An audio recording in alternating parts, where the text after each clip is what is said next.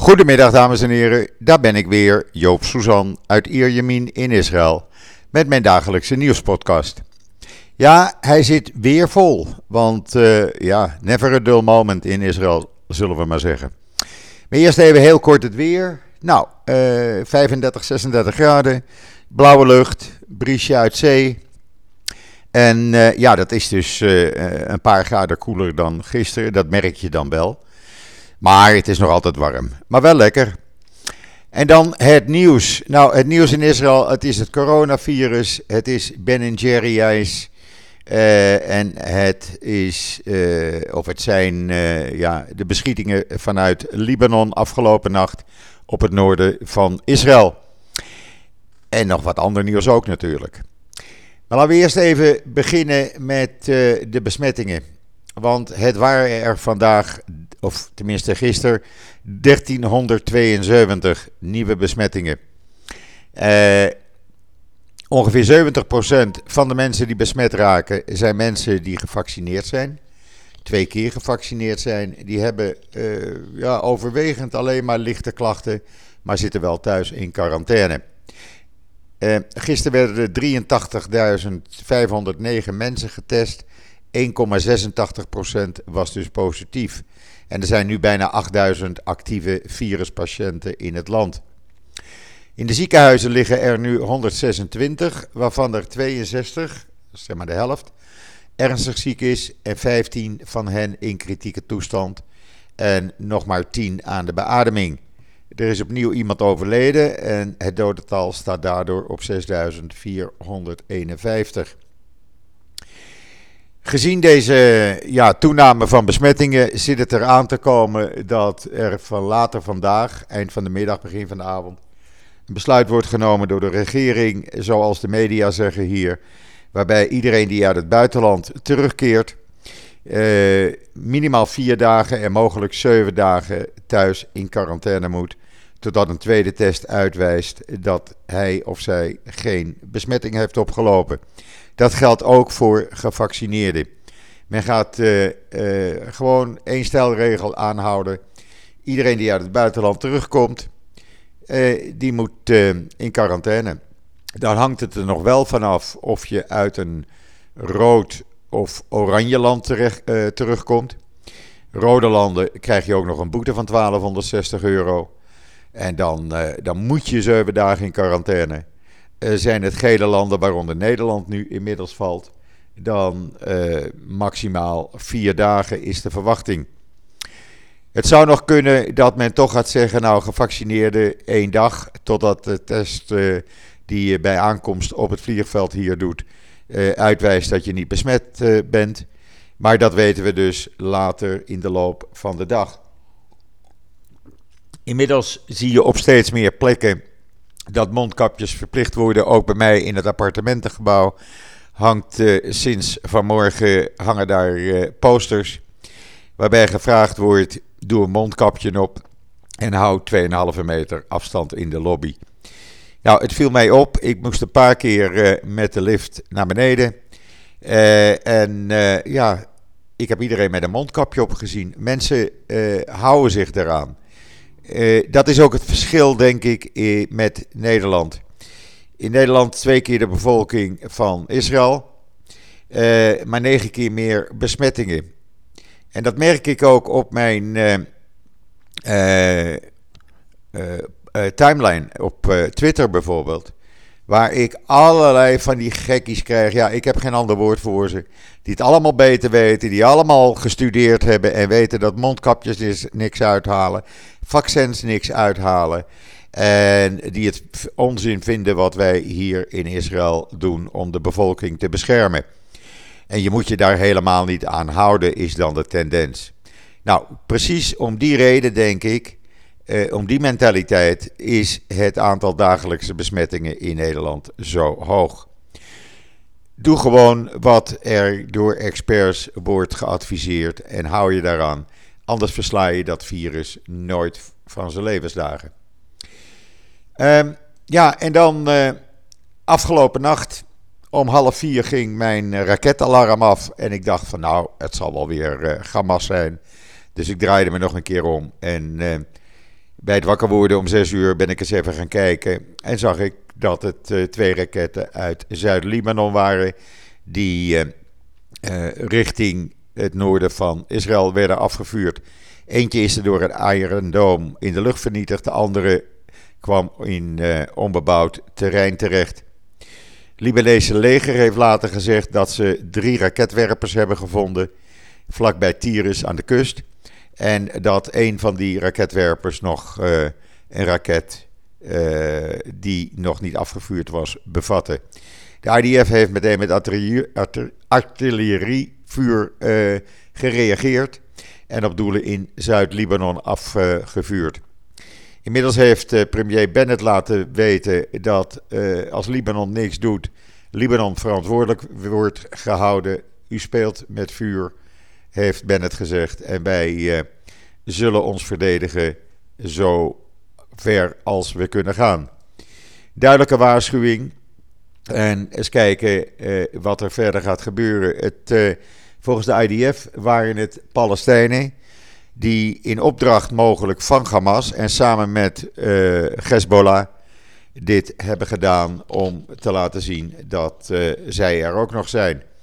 En meneer Sinbar, de Hamas-leider in Gaza, wil natuurlijk even laten weten van luister, ik ben de baas en ik bepaal. En dan hebben we Ben en Jerry, de ijsmakers uit Amerika onderdeel van het Nederlands-Britse Unilever. En eh, nou, dat hebben we gemerkt. Uh, die, gaan, uh, die hebben aangekondigd, u kunt het allemaal lezen op israelnieuws.nl trouwens, aangekondigd dat ze een boycott gaan instellen onmiddellijk van Judea en Samaria, mm, u noemt dat de Westbank, zodat hun ijs niet meer in de nederzettingen daar worden verkocht. Zij doen dat omdat zij erg voor de Palestijnse strijd zijn. Zij vinden dit Palestijns grondgebied. Nou, ik, ik weet niet hoe ver hun geschiedenis-know-how gaat. Palestijnen werden uitgevonden in 1964 door meneer, Abba, meneer Arafat tijdens een speech op de universiteit in Tunis. Daarvoor waren er geen Palestijnen, maar Arabieren die in dit gebied woonden. Uh, maar goed, zij steunen de Palestijnse strijd. Uh, Naftali Bennett, de premier van Israël, heeft inmiddels met de CEO van Unilever gesproken en gezegd van jongens, uh, draai dit terug, anders zullen de gevolgen veel groter zijn dan je kan overzien. En welke kant die gevolgen op kunnen gaan, nou, dat blijkt al uit het feit dat de Israëlische ambassadeur in Amerika heeft uh, een brief geschreven naar de gouverneurs van 35 staten, uh, Amerikaanse staten, die een uh, anti-BDS-wet hebben die bedrijven verbiedt om Israël te boycotten.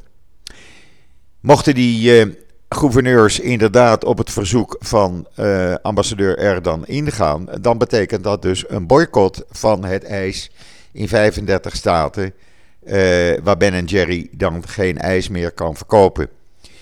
Uh, en ik verwacht dat er andere landen dit zullen gaan volgen.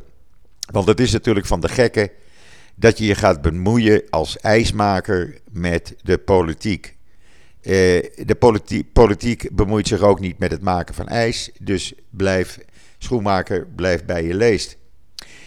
Inmiddels hebben alle Israëlische politici van links en rechts en midden en uh, extreem links en extreem rechts natuurlijk hun verontwaardiging uitgesproken. de minister van Economische Zaken heeft via een TikTok-filmpje laten zien hoe ze Ben Jerry ijs uit haar ijskast in de prullenbak gooit. U kunt dat zien op israelnieuws.nl.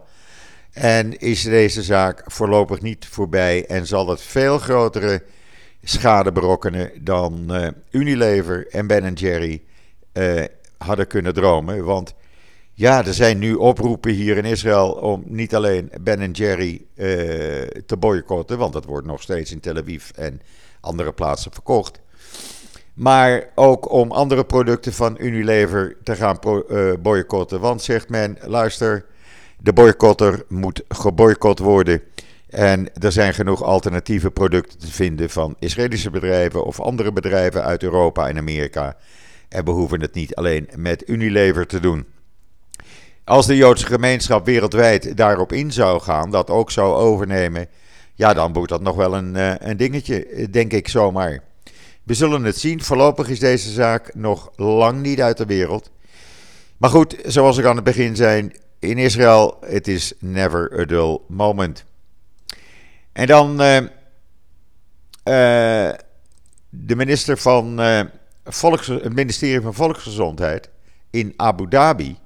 Die hebben een overeenkomst getekend met het Shiba Medical Center, een MOU, Memorandum of Understanding. Waarbij Shiba Hospital expertise en ervaringen gaat uitwisselen met uh, hun collega's in Abu Dhabi. Om zodoende uh, de beleving en de dienstverlening aan patiënten te verbeteren. Alweer een staaltje van uh, ja, hoe normaal normaal is. want ja, augustus verleden jaar werden die Abraham-akkoorden getekend. Dus zeg maar een jaar geleden was dit helemaal nog niet in de stoutste dromen dat iemand dat had kunnen bedenken. En dan Even een oproep. Ik heb hem ook op eh, israelnieuws.nl gezet van het Joods Nationaal Fonds in Nederland. Die hebben weer hun jaarlijkse loterij. U kunt reizen naar Israël winnen. En daar steunt u de, uh, ja, de herbouw van het Balfourwoud mee. Uh, dat is een JNF-bos en dat moet hersteld worden. Dat heeft veel schade. En er moeten 3000 nieuwe bomen geplant, geplant worden. Er moeten nieuwe toegangswegen gebouwd worden, et cetera. Dat is een heel onderhoudsplan dat drie jaar duurt. Er is geld voor nodig. Dus ga naar de website van uh, het JNF in Nederland. En koop uh, bijvoorbeeld twee loten voor 6 euro. En wie weet ben je over een paar maanden uh, in Israël doordat je de reis gewonnen hebt. en dan hebben we op israelnieuws.nl een verhaal over de goede en slechte effecten van het behandelen van kinderen met medicinale cannabis. Uh, Steeds meer wordt cannabis gebruikt voor uh, het behandelen van ziektes en allerlei andere zaken, ook bij kinderen. En is dat nou goed of is dat nou niet goed? Ik ga het niet verraaien. Het is een Israëlisch onderzoek en het staat uitgebreid op israelnieuws.nl. En dan heeft uh, Bas Belder een uh, boekje gelezen waar hij een recensie over heeft geschreven en die bij ons heeft geplaatst op israelnieuws.nl. Uh, en dat ging over waar wringt de schoen met de Joden. Dat gaat over antisemitisme. Want is de Joodse neus even ongerijmd als de katholieke kin, is de vraag. Heel interessant. Hij heeft uh, daar een recensie over geschreven dus. En ik vind het een rake recensie. Lees hem maar even. Uh, want ja, Bas is altijd heel scherp. Hij was vroeger uh, lid van het Europese parlement. En ik vind het leuk als hij dit soort recensies uh, bij ons plaatst. Uh, en dan is er een Arabische tandarts die onder andere in Natanja werkt, maar ook in Nazareth. En wat doet die tandarts? Door het behandelen van zijn patiënten uh, zorgt hij voor coexistentie. En dat doet hij op een hele simpele manier en het werkt. En het is hartstikke mooi om te zien. Uh, lees het maar even het verhaal, want ik ga dat natuurlijk niet uh, hier verklappen. Maar heel interessant en het blijkt dat het werkt. En ja, ik zie dat vandaag toevallig weer. Uh, het offerfeest voor de moslims is gisteravond begonnen. Betekent dat ze vier dagen vrij zijn. Nou, als ik dan kijk bij mij in de mol. wat gaan de, de Arabieren op een vrije dag doen? Die gaan dan naar de mol in uh, want dat is een van de grotere in Nederland. En er zitten hier nogal behoorlijk wat Arabische dorpen uh, rond Ierjamin en Natanja. En die komen met hun hele gezin uh, een dag ja, amuseren in de mol. En dat is dan ook coexistentie, want ja, er lopen natuurlijk ook Israëlische Joden, er lopen Israëlische Arabieren, er lopen Palestijnse, Palestijnen rond. Iedereen draagt een mondkapje en iedereen heeft plezier. En dat leeft en dat winkelt naast elkaar en met elkaar. Want dat is Israël gewoon. Uh, trouwens nog even over Ben Jerry. Ik kwam vanmorgen in Johanov uh, supermarkt hier bij mij in de buurt. En ik denk, ga eens even kijken bij de, de vriesvakken. Nou, Ben Jerry, er stonden nog drie ijsdoosjes van Ben Jerry, maar het was eruit. En dat vind ik toch mooi dat dat meteen werkt. En Israëli's kennende kopen ze dus gewoon geen Ben Jerry's meer. Die kan je gewoon als supermarkteigenaar eh, bij de vijanders gooien, want je raakt ze niet meer kwijt. En die zullen ook nooit meer gegeten gaan worden. Eh, zodra je aan Israël komt, kom je aan een Israëli. En kom je aan de mensen die hier wonen. En als jij vindt als bedrijf dat je Israël geheel of gedeeltelijk moet boycotten, nou dan doe je dat maar. Maar dan zul je zelf de effecten moeten gaan dragen. We hebben dat gezien bij Airbnb. Die begon ook met hetzelfde van wij boycotten de Westbank. De nederzettingen, geen advertenties. Nou, toen gingen Joden wereldwijd en masse uh, Airbnb uh, uh, boycotten. En toen kwamen ze gauw op hun besluit terug. Dat is, uh, als ik me goed herinner, twee jaar geleden geweest. En uh, je kan dus gewoon weer bij Airbnb boeken op uh, ja, huizen in de Westbank. Dus zo werkt dat. En daar komen ze vanzelf al achter. Want nogmaals, dan staan wij hier in Israël en de Joden wereldwijd als één man en vrouw achter elkaar. Uh, gisteren had ik het met u over die uh, nieuwe serie My Orthodox, een My Orthodox Life, die op Netflix is. Ik ben hem gisteravond even gaan kijken, de eerste aflevering. En ik vind het fascinerend. Ik vind hem hartstikke goed. En ik ben van plan elke avond maar eens even een aflevering van een half uur, 40 minuten te gaan kijken. Want anders ben je er weer zo doorheen en ik heb er toch weinig tijd voor anders. Maar hartstikke mooi uh, gemaakt. En ja, herkenbaar, laat ik het maar zo zeggen. Dus een aanrader als u uh, Netflix heeft en u heeft My Orthodox Life nog niet gezien, ga het even bekijken. En dan uh, ja, brengt mij dit toch bij het einde van de podcast. Ik zie dat de temperatuur inmiddels met een graadje is opgelopen naar ruim 36 graden. Gebeurt altijd zo rond 3 uur Israëlische tijd. De komende dagen zal het wat koeler worden, zo rond de 30 graden. Dus eh, we klagen niet. Rest mij u nog een hele fijne voortzetting van deze dinsdag, de 20 juli, toe te wensen.